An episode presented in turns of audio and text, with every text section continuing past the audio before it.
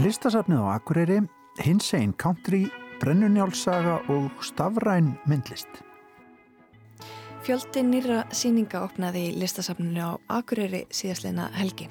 Gíja Holmgerstóttir fór á flakk þar fyrir norðan og þrætti fjórar þessara síninga sem allar eru enga síningar.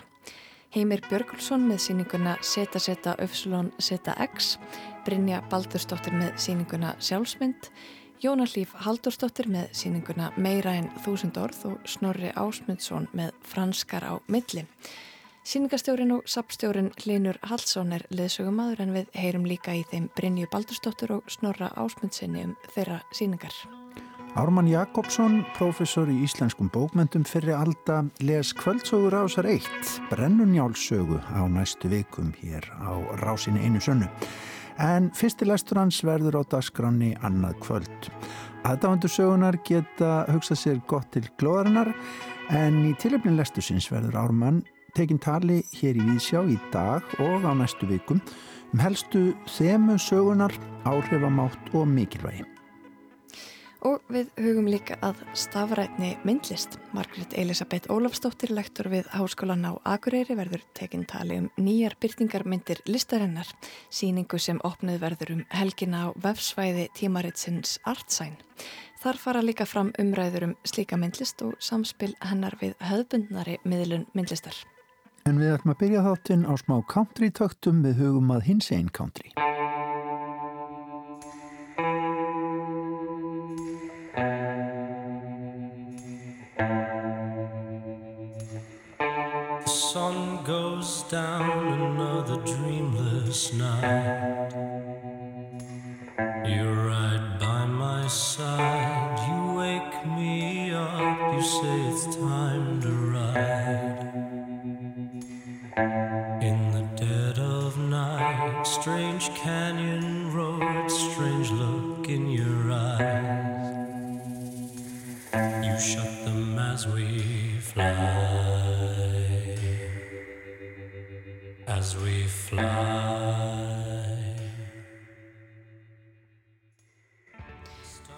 Að hlusta á lægið Dead of Night með kanadíska tónlistamanninum Orville Peck. Hugsanlegt er að hlustendur hafi jafnvel séð hann á sviði því hann kom fram á Airwaves hátíðinni í fyrra. Grímuklættur eins og endra nær, þannig er hann best þektur eða óþektur og einning fyrir texta sína með erotískum tilvísunum sem beint má tengja við samkynja ástir en hann er einnig þektur fyrir glitrandi country búninga sína. Hann hefur enda orðið dragdrottningum innblástur meðal annars í sjónvarstáttunum RuPaul's Drag Race.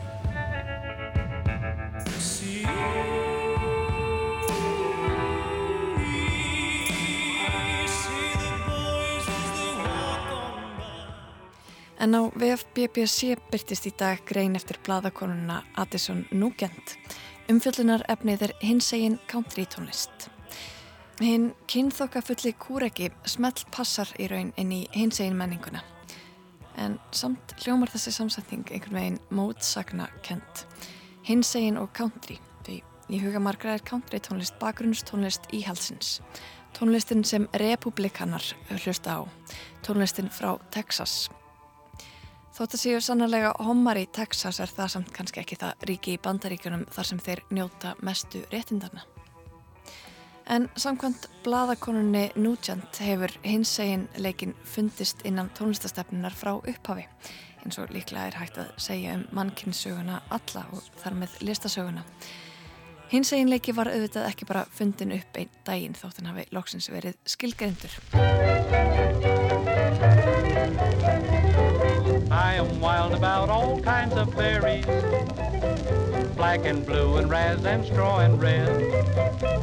But most of all I like to guzzle cherries. Me too. And I eat them every night in bed. I like to eat, I like to eat. Fyrsta hinsegin countrylægið er talið vera I Love My Fruit frá árinu 1939 með hljómsettinni The Sweet Violet Boys. Þetta var reyndar liðarverkefni sveitarinnar The Prairie Ramblers, gungumenn sléttunar, en þeir nótiða annað hljómsveitarnafn til að taka upp nokkur lög sem á þeim tíma hefðu þótt neykslanleg. Lög sem píjánuleikari sveitarinnar Bob Miller samti. Þótt lítið sér vitað um kynneigð hljómsveitar meðlema má teljast óleiklegt að hópur gagkinneigra manna hafi tekið þessa áhættu árið 1939, segir bladakonan Addison Nugent.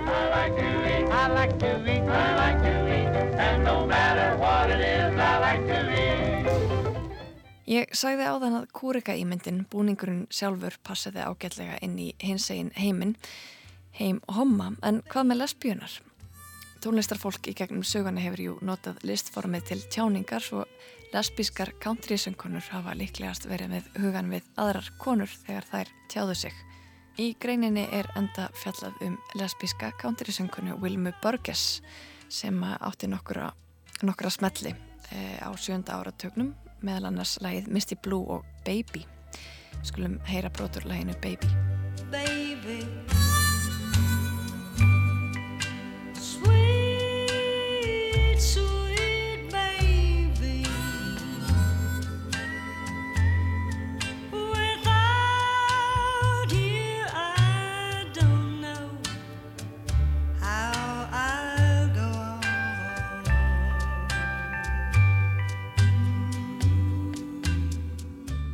Í dag er oft talað um Burgess sem eina af fyrstu e, samkynheiðu söngkonunum sem var komin út úr skápnum þrátt verið að hún hafi raun aldrei verið ofinberlega út úr skápnum eh, sem tónlistarkona. En hún reyndi samt að syngja undir rós ef svo mætti segja. Hún reyndi aldrei að þykjast vera gagkinneið þannig að lög hennar og textar eru svona kyn óljósir Árið 1978 var hún orðin þreytt á einsleitni senunar og hætti bara hreinlega. Áratjók síðar notaði hún peningina sem hún vann sér inn sem tónlistarkona og opnaði fyrsta lesbiska barinn í Nashville, The Hitching Post.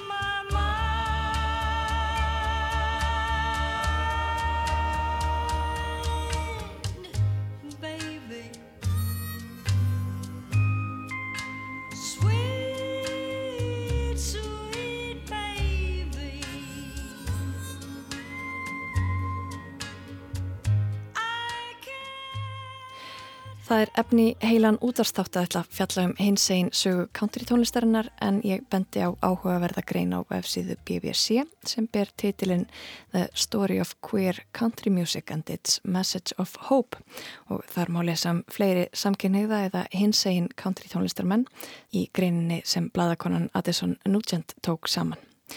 Við hlupum á harðaspretti yfir hins einn countrysögu í þessu örstutta einslægi, byrjuðum árið 1939 og enduðum svo 80 árum síðar á lægi frá árinu 2019. Það er hljómsettin Karen and the Sorrows, A Guaranteed Broken Heart og eins og klökkir hlustundur kannski hafa getið sér til er Karen Lesbia, örglega í ástarsorg frá árinu 2019.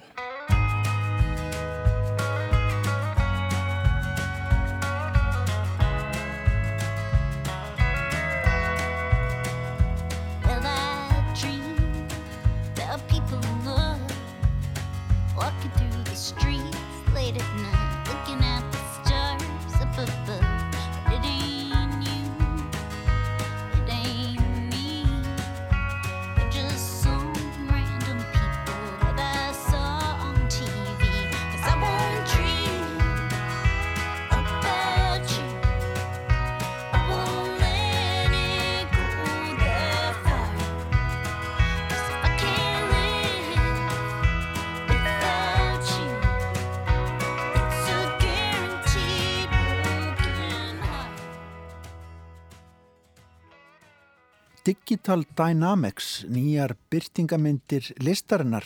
Þetta er heiti á nýri síningu sem að vera opnuð í stafrænum heimi á lögadaginn klukkan 14 á vefritinu artsign.is sem er myndlistar tímaritt og ágættis yfirliti við það sem er að gerast í íslenskri myndlist. Sýningarstjóri er Margret Elisabeth Ólafsdóttir, listfræðingur og lektor við Háskólan á Akureyri. Hún heldur líka utanum pallbórsumræðu sem að verður gerð aðgengileg um þessi efni á vefsíðunni. Margret er stött í hljóðveri á Akureyri. Margret, þetta síningahald og umræða tengist skrifunum í nýlega bókum stafræna myndlist á Norðurlöndum, ekki satt? Jú, það er rétt. Ég skrifaði kabla í þessa bók sem heitir Digital Dynamics Já. in Nordic Contemporary Art og henni er reittstýrt af konu sem heitir Tanja Toft og hérna hún kom út hjá Intellect Books í Breitlandi í, hérna, á síðast ári og það sem ég er að skrifa um og hefur verið svona er að hluta til byggt í rauninni kannski á segja, svona virkri þáttökum minni í uh, svona nýmiðla senu á Íslandi eða senu í rafrætna lista sem að hófst þegar ég tók þátt í að stopna félag sem heit Lorna og heitir ennþá Lorna félag um áhagamannum rafrætna list. Þar voru meðlið með nokkur hérna, listamenn sem að voru að vinna og vefinn og voru að vinna hljóðverk og, og, hérna, og vídeo og vídea og, og annars líkt. Mm. Þessi félagskapur, við ætlum fyrst sko að markmiði var að stopna sko Media Lab fyrir þennan vettvang og það má kannski segja að það hafi svona raungerst hérna, mjög tímabundi þegar við fórum inn í útgerðina hérna í runinu uh, sem var stopnið í tengslu við hugmyndahús háskólana. Þá, þá samstarfið við uh, slátur uh, tónlistamennina slátri Mitt. og þar uh, er henni safnað saman ímislegt fleira fólk og mjög skemmtilegt og virt samstarfi í svona hvað rúmlega hálft ár í rauninni og helt svo hans áfram í, í hérna listsamni Reykjavíkur það sem ég er rauninni fjallast alltaf um í þessari bók er sko ákveðin svona hvað maður segja um, það var ákveðin svona gjá að milli þeirra sem voru fást við uh, svona mjög teknilega listir eða, eða hérna, mút frá stafrætni tekni mm -hmm.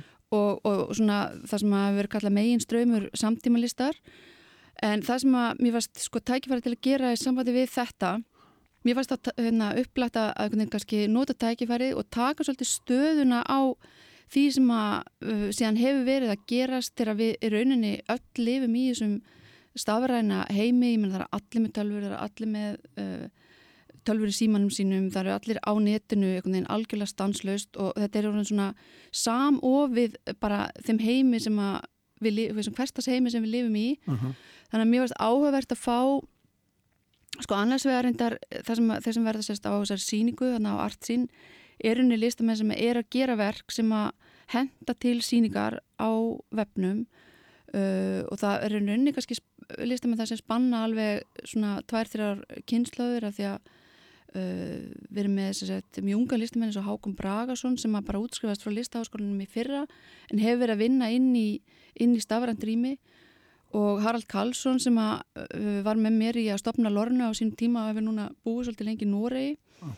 og var að reynda að opna síningu í hérna Reykjanesbæjar sem við fengum tækifæri til að setja upp saman uh, bara að opna í síðustu viku. En hann ætlar að, að vera með VJing eða svona, já, streyma í rauninni og miksa hérna, myndefni sem hann vinnur með uh, beintirunnis og við ætlum að streyma því á lögutaskvöldi og síðan verður það til aðgengilegt í upptöku á artsín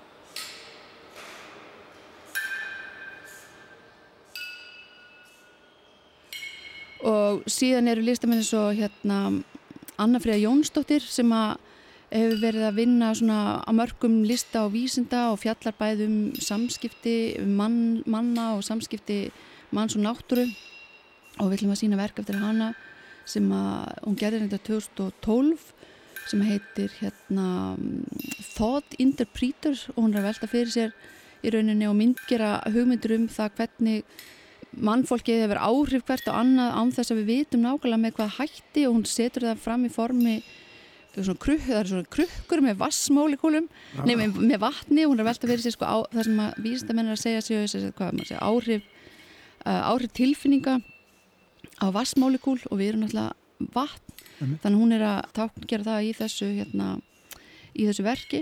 Og svo er ung listakona sem heitir Ágústa Ír Guðmustóttir sem hefur verið að hérna, vakið, vakið aðtikli meðlans á Instagram fyrir svona hérna, mjög kannski rótaka eða eitthvað sem talar einhvern veginn algjörlega inn í okkar svona samfélagsmiðla samtíma og svo hérna af því að við skiplaðum hérna líka pallborð sem myndist á. Það er aðeins aðri listamenn sem að ég fekk til að taka þátt í því bæði til þess að vika spektrumið og, og hérna líka vegna þess að fyrirvara var lítill ég vildi ekki leggja þetta alltaf á hérna sama hópin en þar er ég kannski líka að horfa á í rauninni listamenn sem að er að vinna í kannski alveg hefðbundan viðla eins og hérna Fritz Henrik Berntsen sem að málar og auður Lóa Guðnardóttir sem vinnur í skúltúr.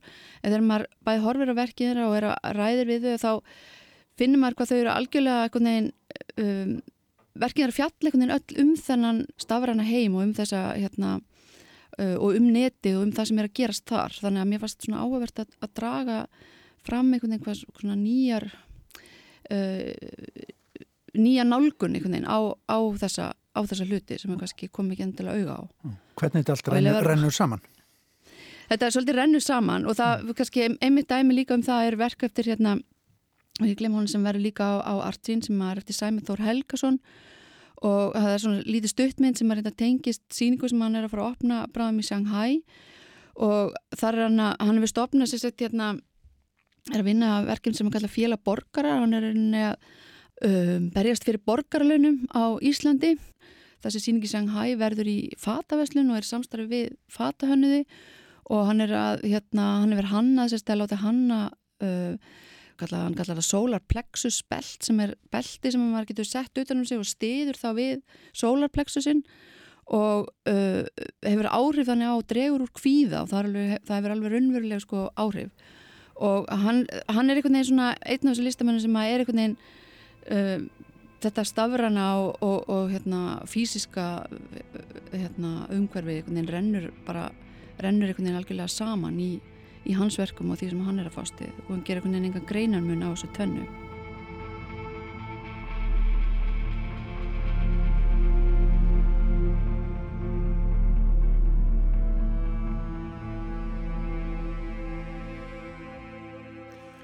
Sko, ef maður hugsa aðeins út frá því sem hún nefndir við okkur áðan um það, það sem hún kallar gjá í rauninni milli þeirra sem er að vinna á svona þennan tæknilegasta hátt og, mm -hmm. og kannski þeirra sem eru hefbundnari e, er þessi gjá bara þú talar um þetta kannski svona pínlítið hann í kringum hrunið en er hún enn til staðar er þetta eitthvað sem er, að, sem er verið að ná að brúa eða, eða er hún enn til staðar? Sko ég held að vegna þess að kannski listamenn sem voru kannski tortrygnir og fannst þetta einhvern veginn um, kannski ákveðin list vera svona kannski köld og, og hérna ómannlískilega sem er samt líka kannski hlut af einhverju sem að menn voru að reyna að ná fram einhverju svona ópersonlegu og lust við uh, svona skýra, skýra hérna, höfundamerki ef maður getur sagt það sem svo þó það séu oft mjög erfitt að losna við það að þá er þetta orðið svo hérna, ríkur þáttur í því hvernig fólk vinnur að ég, ég held að þessi tortrygni, hún hefur mikið til, en ég bliðað þannig að hún hafi mikið til horfið. Já.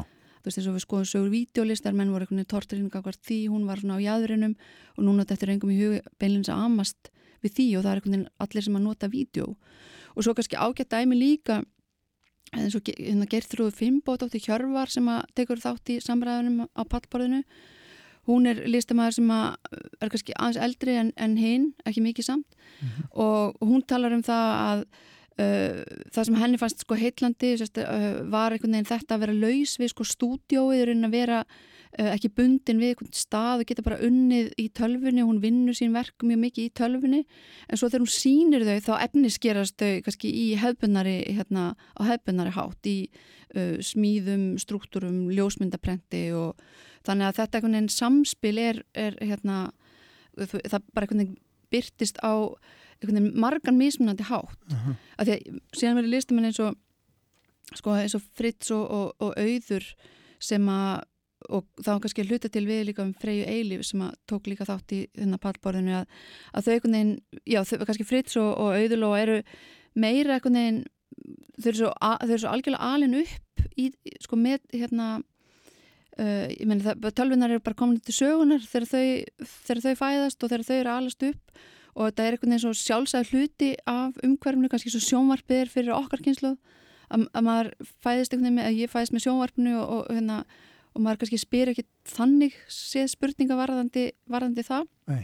að þú veist það er ekki framandi hlutur sem að kemur nýr inn í, inn í lífmann eins Uh, eins og tölvunar, ég, mena, ég man alveg eftir þegar ég var að vinna ofnbæri stofnun og, og menn voru sættir við, þú veist, bara reynlega sko að íta á tölvu, likla borða á tölvunni og þú veist, rættur maður myndi eitthvað ólegt gerast eða myndi klúra hlutum mm -hmm. og mhm. þannig er við komin með einhverja kynsla sem er, er ekki haldinn þessum óta en á sama tíma við það að lifa og rærast inn í þessu stafrænu umhverfi þá, þá kveikna líka einhvern veginn löngun til að snerta á einhverjum svona öðruvísi áþreifanlegum hlutum og efnum sem að þau þá velja að vinna í, jáfnveg þá og, og, og jáfnveg indagverkana eigi sér einhvern veginn uppsprettu í uh, í netimum og í þessum, þessar stafrænum veröld. Mm. Sko ef við hugsaum aðeins um það sem að fólk er að fjalla um annars vegar í þessari stafrænu veröld og svo í, mm -hmm. í myndlist almennt er, er uh, önnur umfjöldunarefni þarna í þeirra kemur að myndlist? Sko ég held að umfjöldunarefnin eru bara mjög, hvað maður segja, ég, ég held að fólk sé fjallið mjög breyða hluti, allt frá Uh, það eru sko ég sé bara tala um íslenska listamenn það eru listamenn sem fjalla um eftirlitsamfélagið sem fjalla um uh, það sem er að gerast á, á internetinu, það sem er að gerast í umhverjus og teknimálum einn svona áhaverð þróunni mitt til þess að verið uh, já, menn að blanda saman sko rafrænu listum og og náttúrulegum hlutum eins og bara mold og plöndum og, og hérna uh, dæmi um eitthvað slíkt sem að kannski nærtækt er hérna verk sem var sínt í listamna Akureyri síðasta sumar eftir hérna listamenn sem að kalla, sem heita hérna Rasa Smitti og Rætis Smits og þau eru hjón sem að reyka listamannar ekki rými í hérna í Ríka í Lettlandi og þeirra verk var hér Talk to Me og var henni planta sem að stóð undir gleri og undir hátalara. Og hugmyndin, þessi hugmyndum, þú veist að þú, ef þú hérna uh, hugsaður vel um, um plöntuna þín og talar við þær að þá sko vaksið þær betur. Og þá var þessi hugmynd hvernig getum við nota tæknina eins og neti til þess að í rauninni halda áfram að sinna plöntunni þegar við erum kannski ekki heima. Mm. og uh, hugmyndin sko kveikna þannig þannig að fólk gati rauninni sko sleið inn orð sagt, á leikla borð í tölfunni og þá var það tólkað yfir yfir í hljóð eða rödd, umgjert í rödd sem sagt, talaði rauninni þá við plöntuna? Og svo voru þetta náttúrulega vikuð þetta út í það það voru hérna svona prentum það hva, hvað orð fólk notaði þegar það var að tala um plöntuna og, og, og þeirra hugmyndi var einmitt að skoða líka sagt, hvað gerist þegar hefur það áhrif á, á vöxt plöntunar þegar, hérna, þegar við tölum við hann og, og hvað, skiptir máli hvað við segjum og annars líka þannig að það eru sko bara svona sem dæmi um hvernig svona hlutir einhvern veginn renna saman þessi mm. náttúrulegi heimur til dæmis og þessi rafræni heimur mm -hmm. En þessi, þessi síning sem opnar á, á lögadaginn uh, mm -hmm. hún er bara aðgengileg þarna artsign.is -hmm. og, mhm. og þetta málþing þá um leið það er að hlusta á umræðunar þar, ekki satt, þeir eru búin með málþingið í rauninni Við erum búin með málþingið, það var bara svona praktískar ástæður fyrir því sko að hérna Já, uppalega ætlaði ég að hafa þetta svona skriflegt en nú kom þessi hugmyndum að nota það sem allir er búin að vera að nota núna við bara hittum bara á Zoom. Já, já. Og, og, hérna, og tókum þetta upp og það voru ekki allir búin að þurfa að nota Zoom í, í kóinu og ég kannski það alltaf að taka fram við ákvæðum að sagt, uh, við tölum saman á ennskuð og ég sjálf er mjög hlindi að reyna að nota íslenskt mál til að tala um hérna, myndlist. En vegna þess að þetta tengist útkomið þessara bókar og, og mun vera tengt inn á vefsið bókarinnar og, og, og kannski hugsað inn í starra samiki heldur en bara þetta íslenska þá fer þetta fram á ennsku bara vara fólk við. Já, við hljóttum að lifa það en það verður allavega spennandi að sjá stafræna, stafræna myndlist og hvernig fólk hugsar og, og talar um hana líka. Eh, Takk kærlega fyrir spjallið Margret Elisbeth Ólafsdóttir. Takk fyrir að bjóða mér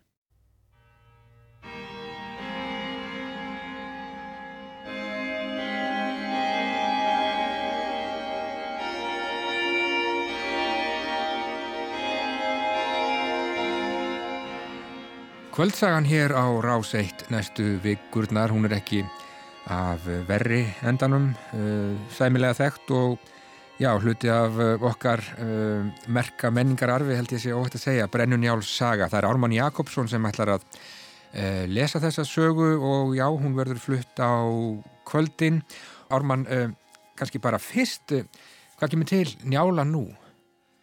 Já, það er nú eiginlega frá því að segja að ég á stóra afmæli sumar og það er endar ég er alveg svo gammal að maður er hættur að telja árin en látum bara næja að það er stóra ammali og mér langaði að gera eitthvað til að augra sjálfu mér en ákvaða notast ekki við fjallgöngun eða annað sem fólk gerur þessum aldrei til að e, fara út fyrir þægindaramman eins og það er kallað í nútífamáli þannig að ég mér kom í huga að lesa njálu og ég las hana fyrir jól fyrir örfáa hlustendur á vegum menningarfélagsins hinnar kindarinnar sem er eitt merkasta menningarfélag hér í bæ og Byrna Bjarnadóttir stýrir.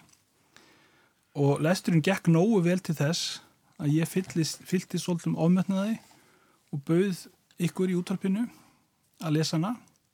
Og svo náttúrulega koma því að þegar ég eh, þegar lesturinn er að hefjast að ég fór að hugsa okkur í óskupunum bauði þetta fram Njála er sem sagt, það er erfitt að lesa hana á skemmri tíma en 13-14 klukkutímum. Mm -hmm. þannig að þetta reynir talsvert á líkamann. Hún er alveg óurlega laung og svo er hún sem kunnut er öll á fornmáli. Og setningaskipan stundum allt örfið sér í nútíamáli en stundum reyndar alveg eins. Þannig að hún er afskaplega misjamt að lesa hana. En ég hefði reynd einu sinna áður þannig að eh, ég var aðeins, aðeins ókvíðnari út af Já. því. Sko, áður en við tölum um bókina sjálfa uh, sko, hvenar, hvenar lestu njáli fyrst, Hálmann? Uh, ég las hana fyrst átta eða nýjára og það kom tal, þannig til að afi minn heitinn sem var bankastýr útvisbankans hann uh, dró upp þessa bók og byrjaði að lesa upp úr henni kabla 119 og kabla 120 sem gerast á alþingi þar sem skarpjæðin hittir alla höfðingja landsins og hund skammar það og þessu laug held ég á orðunum raskarnar endan merarinnar og ég held að orðið rass einhvern veginn hafi dugað áttara bönnum til að fá mikinn áhuga þessari bók, þetta er svolítið það stíg uh, svona mannsálarinnar, hún er upptíkin að hennum óæri enda, þannig að við vildum endur að lesa allar bók, bókina. Og báðum hún er í keift því að á heimili mínu fannst engin íslendikasaga þannig að við fórum fram á þetta er í keift njála og það var keift njála handa okkur og við lásum bræðurnir. Og uppgötuðum samt að það var gallað þessari bóka það var einhver ættatölur, þeim hafði verið sleft til að gæðjast ungu fólki. En það gæðjaðist ekki þessu tiltekna ungu fólki sem við vorum, við vildum fá allar ættatölur með. Mm. þannig að við vildum að taka bókastarsindök til að ná þeim. Já. og þá las ég njálu og fannst hún stórmerkileg. Veit ekki hvað ég skildi mikið en ég skildi alveg nóg og, og var heitlaður af njáli sjálfum og gunnari og þessari merkilugu vináttu þeirra og auðvitað öllum bardögunum og, og látunum, sérstaklega auðvitað við þráins Já. sem er stórmerkilegt mm -hmm. og Skarpíðin Jálsson, ég menna hver heitlast ekki af Skarpíðin Jálssoni Útilokað annað Sko, þú ert um, doktor í konungasögum, Ármann um, sko, Brennun Jálssaga um, ertu alltaf jafn hvað ég segja, ertu alltaf jafn heitlaður af henni? Er hún alltaf, er alltaf ný fyrir þér? Nei, hún, eiginlega finnst mér hún betri í hvert sinn. Mm -hmm. það er eins hrifin að ég var af henni þegar ég var nýjára þá finnst mér hún ennþá betri núna. Það er svo mikil hugsun í henni. Og hún er að mörguleiti þó að hún sé í skýru samhengi við allar aðrar íslenskar miðaldabókutir þá er hún samt svo ofinjuleg það er svo frumlegur hugsuður sem hefur sett saman þessa bók og í raun og veru fylgir ekki alveg fordamum heldur gerir hlutina bara að eigin gethóta og það sést svolítið strax í byrjuninni. Það, það hefðbunni er að annarkort að kynna til sögunar alla sem er eftir að sjást mm -hmm eða byrja á hennum virðulegu forfæðrum mm -hmm. en njáluhöfundur byrjar alls ekkert þar. Hann byrjar á allt öðru fólki. Gunnar byrtist ekki fyrir henni kabla 19 og njála ekki fyrir henni kabla 20 og fyrsti hluti bókarinn að fjalla allur um Hallgerði Langbrók sem reyndar er stór persona og svo um Hrút Herjálsson mm. sem hættir að vera stór persona að því loknu en ásviði samt í í fyrsta hluta bókarinnar. Já, sko við tölum um njálu sem svona, já þetta er svona veginn kórónan í, í okkar, í þessu Íslandingasagna, uh, í þessum Íslandingasagna bálki, er hún, uh, er hún langt best eða? Já. Það er merkilegust. Ég veit ekki, það, það er, hvað er best? Ég er í lágun alltaf gamal til að hugsa um svo leiðis hluti, en hún hefur alltaf þótt stórmerkileg og það sést strax á miðaldum það er til flest handrit af henni hún hefur alltaf verið vinsal jafnvel á þeim tímum sem Íslandikasjóðunar voru alls ekkit vinsalar vinsalastu fórbókundinar og það er nú þannig að til dæmis í upphafi 19. aldar þá verðist konungarsögum miklu meiri áhugi síndur en, en Íslandikasögum nokkuð tíman. Það er svolítið unnu sér sess undir lok 19. aldar og síðan alla 20. aldina en Njála var alltaf vinsal og hún er reynilega bara svo fjölbreytt og ég segi nú alltaf Íslandikum er ekki alls varnað þeir tóku Njálu þeir tóku ástfóstri við Njálu mm. og það sýnir að þeir hafa góðan smekk þannig að Njála hefur alltaf verið vinsal um, og, og verðskuldar það en þetta er líka, er svo, það er svo mikið í þessari bók það er einhvern metnaður í þessari bók svipaður kannski og hjá fremstur í 2020. aldar ég bara Tómas Manns og ég takk eitt dæmi mm -hmm. að reyna einhvern veginn að höndla allt saman höndla allan allt saman, allt lífið allt samfélagið í einni bók Og það tekst? Já, text og text það, að minnst okkur verður til úr þessu stórbróti listaverk sem njála er. Mm -hmm. og, og þessi metnaður í sjálfu sér, ég held að metnaður sé bara góður hvort sem fólki text eða mistext það er alltaf stórbrótið að fylgjast með tilhöruninni mm -hmm. Hvernig finnst þér, Ármann, uh, við hafa hvað ég segja, farið með njálu? Hvernig um, auðvitað mikið skrifað um þessa bók uh, svona, ég veit að þú þekkir það allt saman, gjör þekkir, hvernig finnst þér við hafa svona í gegnum tíðin að farið með njál nálgast hann Já, það er náttúrulega bara þannig að uh, þeir sem lesa bækur skilja allt sínum skilningi. Þannig að fólk getur lesið njála mjög lítilfjörlegan hátt eða það er sjálft þannig. Mm -hmm. og mér finnst Íslandikar alls ekki lesa njálu nóg, nóg oft. Það eru fjölmarki sem lesa, lesa bókina bara alls ekkert og eða lesa hann ekki nógu vel og reyna að flýta sér og, og þess er einmitt gott að lesa hann upp í útvarpið. Þá fær fólk hann að eitt tækifæri enn til að hlusta og hlusta vel lesa þetta allt saman nákvæmlega vegna þess að það þarf þarf að lesa hann vel. Þannig að, þannig að um, ég það er bara þetta er bara svona eins og að fara á matsölustaf og kaupa ekki besta réttin. Þú veist það er svipað, njála er hérna til mm -hmm og hún er fyrir okkur að lesa og þetta áfólk að lesa hana. Já, þú hefur lesturinn hér á ráseitt á morgun ármann, uh, þarftu að setja þig í einhverjar sérstakar stellingar til að lesa njálu? Já, það er auðvitað óhjákvæmilegt og að sumu leiti var ég ekki með mjög skýra áallun um hvernig ég ætla að lesa hana en að því að ég er gamal lesandi bókarinnar og tólkandi þá reynir ég auðvitað að setja svolítið tólkun í lesturinn. Mm -hmm. Ég reyna að koma merkingunni til skila einhvern veginn, draga fram í lesturinnum hvað sé mikilvægt og, og hvað ekki. Og það er auðvitað mín helsta ráðagerð. Og annað markmið er auðvitað að þetta sé skemmtilegt, þetta sé áheirilegt, fólki leiðist ekki.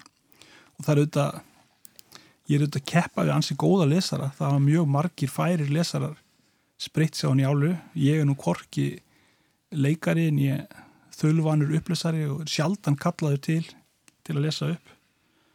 Um, þannig, að, þannig að þetta er viss þetta er viss kannski um, hvað ég voru að segja fýpdirska mm. að taka þetta verk á hendur. Ég sjálfur hlustaði á Einar Ólaf lesa hana þegar ég var barn og mér fannst hann stór góður en hann auðvitað las hann eins og, eins og hann skildana las hann á kannski meiri þunga en ég geri. Sjáum hvað setur með það. Um, Kvöldsagan hér á Rásreitt næstu vikurnar, það er um, Brennunjálsaga og um, Ármann Jakobsson les, þetta er besti rétturinn segir hann og já, ég hlaka til að heyra Ármann svo sannlega og við munum halda áfram að tala um njálu hér í Víðsjá á næstu vikum. Takk fyrir spjallin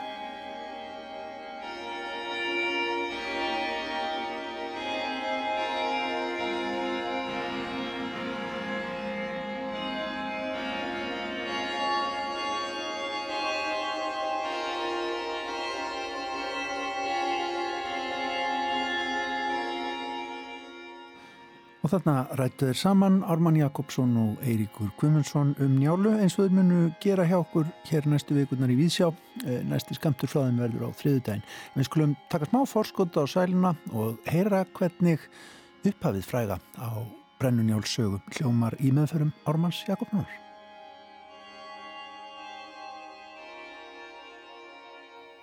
Fyrsti kapituli Mörður hétt maður er kallaður var Gíja. Hann var sonur Sikhatsins rauða, hann bjóða velli á rángarvöllum. Hann var ríkur höfðingi og málafylgjumadur mikill og svo mikill lögmaður að engir þóttu löglegir dómardæmdir nema hann væri við.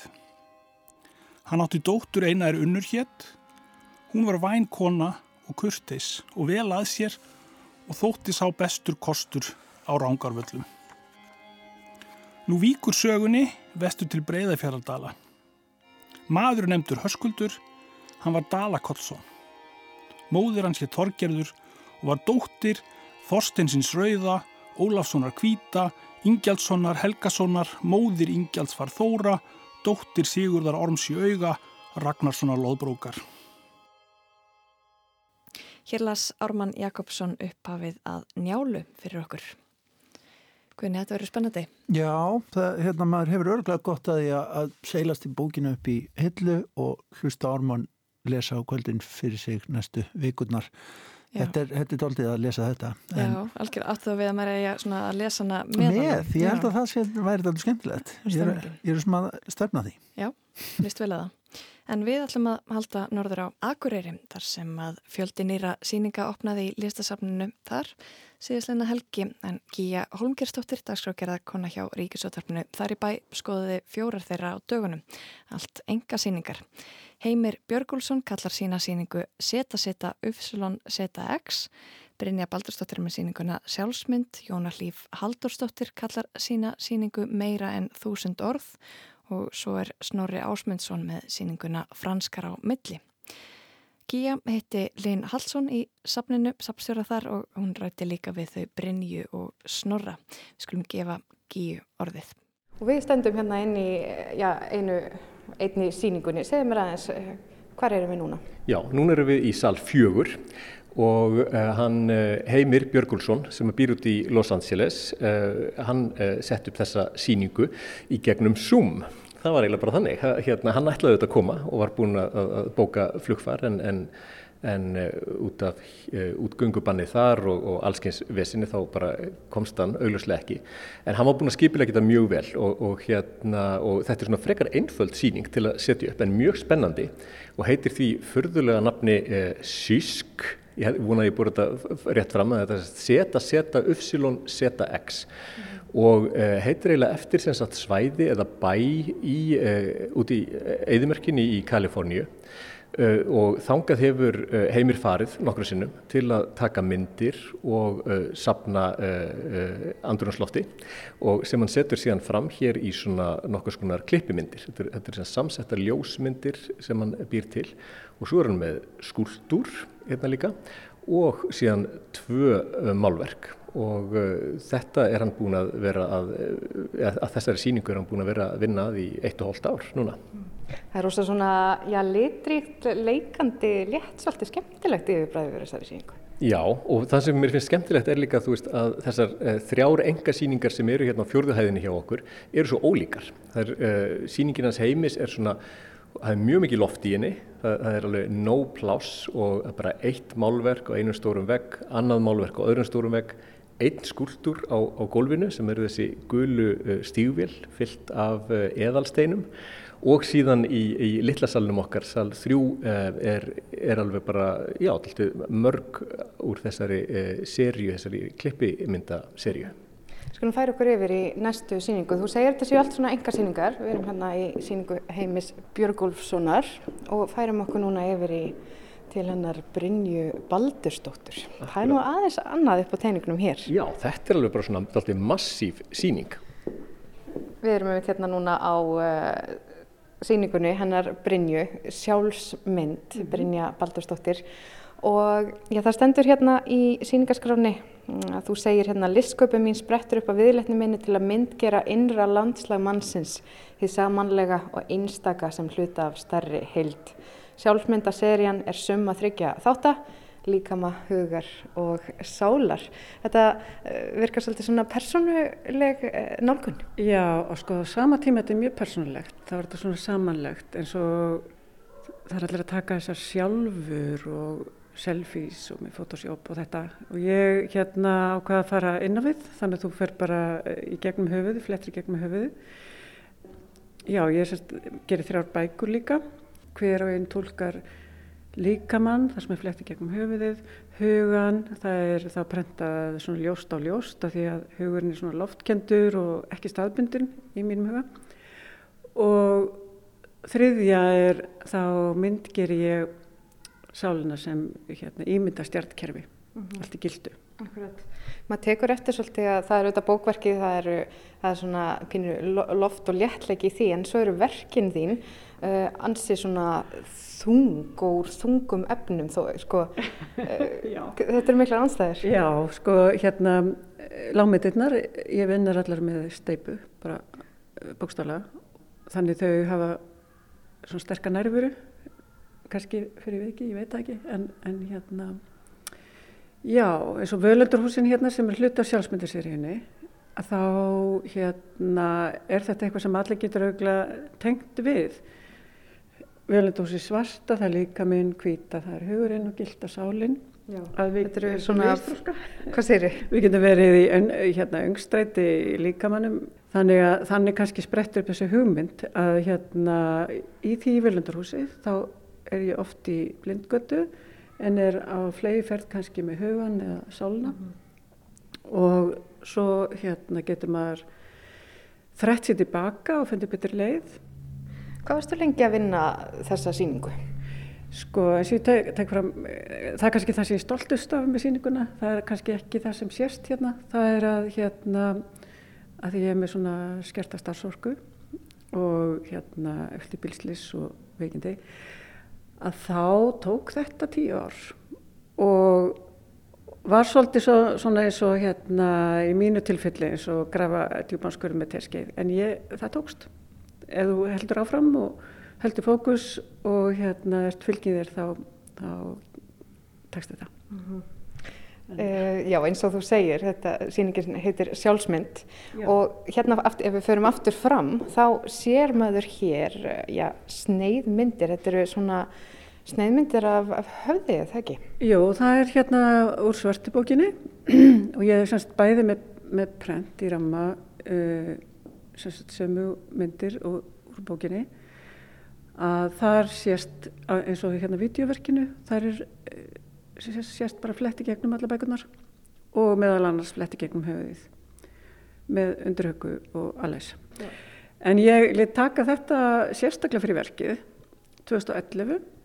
Ég var að vonast til að geta hérna gefið þetta út til ég er 50 en það tókst nú ekki alveg en, en hérna þetta bara tekur allt sinn tíma. Ég leggur rosalega mikið upp úr hugmyndavinnunni og hérna slýpa það lengi og vel til alveg eins og ég legg svona alveg í handverkið að ég vil frekar gera færri verk en gera þau vel. Hafa það vonandi eitthvað að segja. Þannig að hérna ég tek bara tíma. Til hamingi Takk kærlega, takk kærlega. Og svo er það þriðarsýningin hérna á, á, á fjórðu og efstu hæðinni. Þá þurfum við aðeins að labba. Já, og hér tekur strax á mót okkur þegar við erum komin inn í þennan sall uh, það er þessi blái litur Já, þessi bláa byrta og hún kemur til af því að eh, einn glukkin í salnum er með blárri filmu. Þannig að, þannig að þess vegna kemur svona blá uh, byrta inn. En það er líka eitthvað blátt sem að tengir uh, uh, öll verkin. Það, þetta eru sem sagt ljósmyndir úr gammalli danskri bók sem er einhvers svona fræslubókum um, hérna, um Ísland.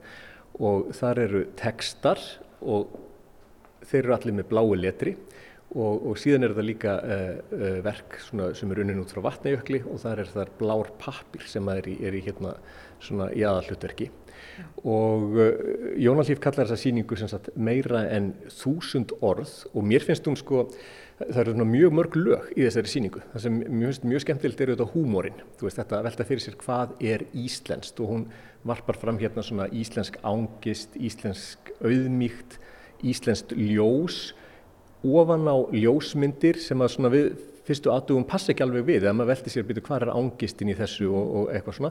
Og mjög gaman auðvitað að sjá það að, að, hérna, að fólk finnur alltaf einhverja tengingar. Síðan auðvitað líka þetta sko bara þessi bláa byrta sem, sem að margir tala um sem að koma til Íslands og, og, og segja bara að það er einhver sérstök byrta hérna.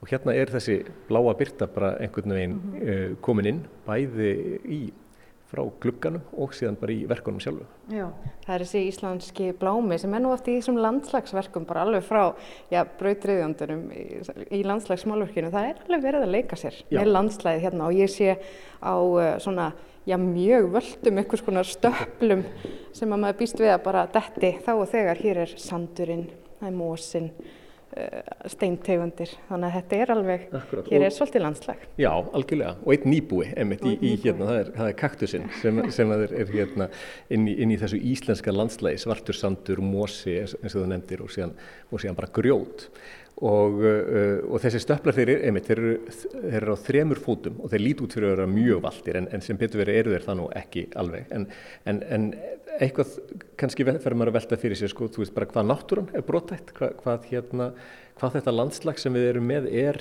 viðkvæmt. Mm -hmm og, uh, og auðvitað síðan sko, já, getur maður akkurat hérna, þarna er, er, er kaktusin er hann fulltrúi hérna uh, breytinga sem, sem að, þú veist, lífgöðu þetta upp á tilvöruna því að það væri bara pínu treytandi eða það væri bara svartur sandur og, og, og mosi hérna, það er mjög gott að fá fleiri plöndutegundir inn. Þannig hér er svona leikurinn að, að tungumálinu, letrinu, þessum, já, hugmyndir sem við höfum um okkur sjálf. Akkurat og svona hvað er íslenskt og, og hvað er alþjóðlegt og og hva, hver erum við. Já. Skulum færa okkur yfir á já, neðri hæðina hérna. Já, umveit. Við erum komið núna niður á þriðju hæðina og, og það er hérna verk eftir Snorra, við erum að fara inn á þá síningu, Snorra Ásmundsson og það er hann Jón Hlaupari sem er fyrir stafni. Já, hann blasir hérna við, einn af, hérna, þekktum og minna þekktum akureyringum og Snorri ákvaði mitt bara að einbita sér að portrættum í þessari síningu. Þetta eru allt akureyringar og þú veist, akureyringur auðvitað innan gæsilappa, hvernig er maður akureyringur og hvernig er ekki og hérna og núlifandi og liðnir. Og uh, Snorri, þetta er mjög litrík uh, málverk og, og í þessu er þetta alltaf svona pop stíl og uh, auðvitað skemmtilegt þú veist að, að, að uh, hverja hann velur sem, sem, hérna, sem uh, fulltrúa akkurirar á þessari síningu og auðvitað hvernig hann málar þið og ég menna ég þekkti til dæmis ekki allt fólkið þegar hann síndi mér sko bara segja veistu hver þetta er? Og ég bara ég betur kannast eitthvað við þessa mannesku en ég er ekki alveg áttum á því. Þannig, og það finnst mér líka bara alltaf skemmtilegt að, að hérna, þetta séu ekki, ekki þessir sko klassísku akkuriringar sem Eh, þú veist, dettur í hug þegar maður mm -hmm. kemur uh, á þessa síningu? Já, það er nú, hvað get ég sagt? Ég á náttúrulega á uh, langa ástur, ástar hattur samband við Akureyri. náttúrulega fættur og uppanu þar og, og hérna hefur líka náttúrulega hefur þetta verið stundum er veður Akureyringum eins og til dæmis fyrir 20 árum síðan þegar ég gerði heimildamind um klámiðnaðinu Akureyri sem var nú upplóðin heimildamind Já, akkurat. Klámiðnaðinu á Akureyri. Og síðan náttúrulega eru leiðin 20 ár og ég hef búin að fara í gegnum ímislegt og, og hérna, já, einmitt ég hef stundum svolítið svona ótugtalegur eins og til kannski við eins og við hýsengina í hitti fyrra sem er nú sem eru hérna sem eru auðvitað partur af Akureyri þetta er alltaf Akureyri hérna svæðið en hérna svo þegar ég fekk þessa bónum að vera með þessa síningu á listafni Akureyrar fyrir árið síðan þá svona hefur verið svona svo ég kannski standi fyrir standi standi við allt sem að ég sem ég hef ekki sagt og gert þá, þá hérna er ég náttúrulega líka vil maður bæta fyrir sín, sín, sín brot og eitthvað og ég hafi svona með mynd, ég rifjaði upp að fyrir til dæmis þessum 20 ára síðan þá hafði ég verið að gera svona einhverjar klámfengna tekníkar af okkar okkur heiður borgurum eins og Mattias Jökkumssoni og Daví Stefánssoni og, og, og fleirum. En, en hérna, hann er mér langaði bara að vera með svona, þó ég segi eins og með króniska óþægt, þá finnst mér líka bara alveg gaman bara að vera svona tilturinn á myndri og langaði svolítið að að mála mynd bara af svona velvöldum akkurringum það er svona, flest, flest, já, flestir eru ykkur svona, á ykkur að tengingu við eða, eða svona, já, kannski má segja, já, séu svolítið svona uppáhalds sjá mér sko, á einhver leiti, á einhver, einhver leiti að, eða hafa hreift við mér. Já, þú ferð hérna, svona aftur í söguna, þarna ennú, já, Davíð og Nonni og svo ferðu alveg í sko Þorstein Má, þannig að þú tekur já. alveg breiðan personu, þetta er breytt personigalleri hjá þér. Já, þetta er breytt persónugalleri sko og, svo náttúrulega eru prestatir hérna, Sera Birgir og Sera Petur sko Já.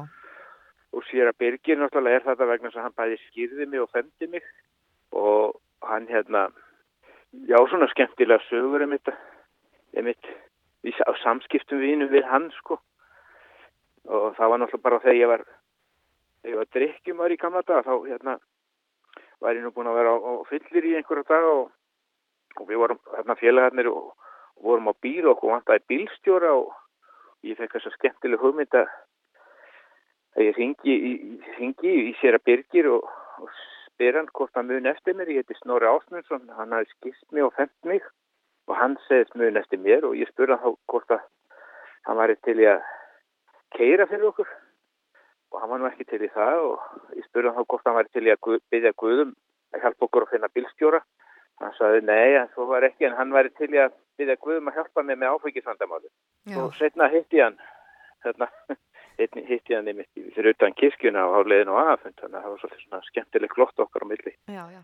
Já, ég sé strax einmitt bara, já, það er Ingemar Eidal, Ingibjörg Bjarnadóttir, Stúla. Já, hún var vist spákona og, og var vist bara í, í þekktum hópi, eða semst þekkti í á, ákveðnum hópi, algjörlega. Já. Svo er hérna eins og Anna Gjörninga, listakonan Anna uh, Richards og ég hef nú mjög gaman að hérna einni konu annari sem heitir Anna Sjött. Já, akkurat. Þa, það er uh, uh sagt, ein af konunum sem að, hérna, uh, gerðu listikarinn og, og hérna og, uh, og Snorri tekur þetta er, þetta er bara svona alltaf langt aftur til þess að taka fólk og hún er við hlýðina á honum uh, Jóni Sveinsinni sem við þekkjum betur sem, sem uh, nonna. Svo eru þarna prestarnir sem að, hérna, fermdu snorra. Já, og skýrðan og skýrðan vist líka sko, þann, þannig að, að hérna, já, það er svona tenging við, við þá og, og okkur er alltaf skemmtilegt sko, að stilla þeim þannig upp að, að þeir horfa upp á Akureyrakirkju sko, út um, út um hérna, þennan stóra glugga, það er alltaf skemmtilegt. Já, það er vel til fundið í rauninni. Algjörlega. Og svo er alltaf Jón Hlaupari í, í öndvegi, hann, hann er svona doldið hérna, hérna á, á endavegg, ra, rammarinn þessa síningu. Saði Linur Hallsson, sapstjóri á listasafnu á Akureyri. Það var Gíja Holmkistóttir sem að leitt þangað í heimsókn og rætti líka við Brynju Baldurstóttur og Snorra Ásmundsson. En fleiri verður það ekki í viðsjá þessa vikuna. Við verðum hér aftur eftir helgi. Já, takk fyrir að hlusta. Verðið sæl.